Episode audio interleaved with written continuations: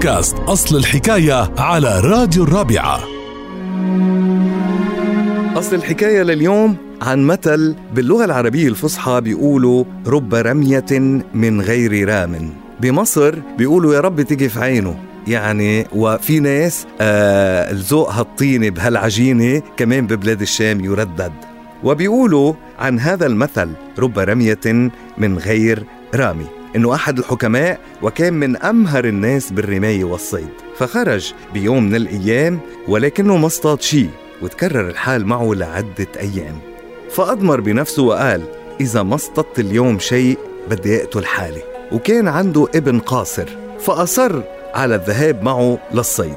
وبالفعل بهاليوم قام الحكيم برمي سهامه فما صاب شيء على الإطلاق وما اصطاد شيء. الابن اتدخل وطلب من أبوه إنه يرمي مكان والده يعني هو اللي يحاول إنه يصطاد.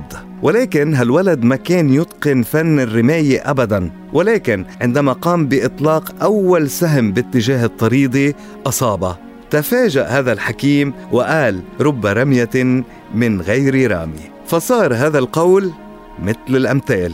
يقال مع الأمثال والحكم الشعبية اللي تداولها الناس وقت اللي بيحصلوا على شيء بمحض الصدفة لتتعرفوا على مزيد من أصل حكايات الأمثال تابعونا على بودكاست الرابعة أصل الحكاية.